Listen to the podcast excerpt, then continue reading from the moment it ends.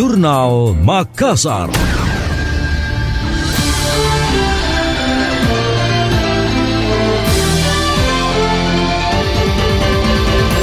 Ekspor Sulawesi Selatan menunjukkan tren positif selama tahun 2022. Nilai ekspor Sulawesi Selatan melampaui target hingga hampir 150 persen.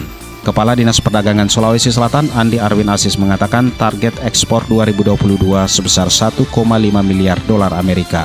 Namun berhasil dicapai 2,3 miliar dolar Amerika atau senilai lebih dari 34 triliun rupiah.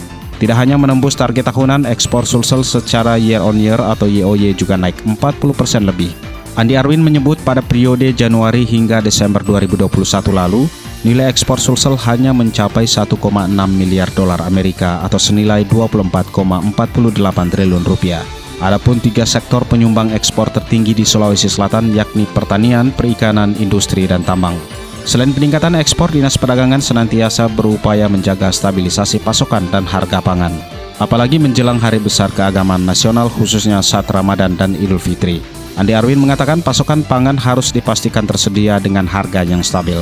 Menurutnya, kestabilan harga pangan akan menguatkan daya beli masyarakat. Di sisi lain, kondisi perekonomian yang kian membaik membuat Arwin optimistis Sulawesi Selatan mampu menghadapi segala tantangan di tahun mendatang, termasuk gelombang resesi yang kerap disebut akan mengancam tanah air. Ia menuturkan sikap pesimistis hanya akan menimbulkan keresahan dan kekhawatiran di masyarakat.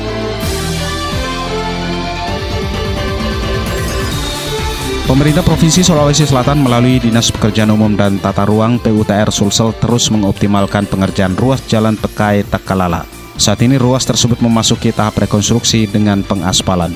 Gubernur Sulawesi Selatan Andi Sudirman Sulaiman mengatakan ruas Pekai Takalala tergolong jalan yang memiliki lintas harian rata-rata tinggi atau LHR.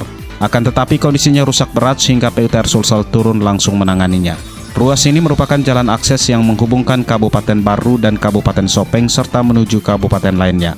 Untuk itu, ia memohon dukungan masyarakat agar pengerjaan ruas ini berjalan lancar. Dengan demikian, jalur tersebut dapat mempermudah angkutan barang maupun jasa serta menggeliatkan ekonomi wilayah setempat. Sudirman menyebut ruas ini menjadi salah satu program prioritasnya untuk segera dituntaskan. Adapun penanganan jalan tersebut sudah dilakukan sejak 2021. Di tahun 2022 dilakukan rekonstruksi jalan dan pengerjaan drainase. Sedangkan tahun 2023 ini pengerjaan di ruas tersebut masih terus berlanjut.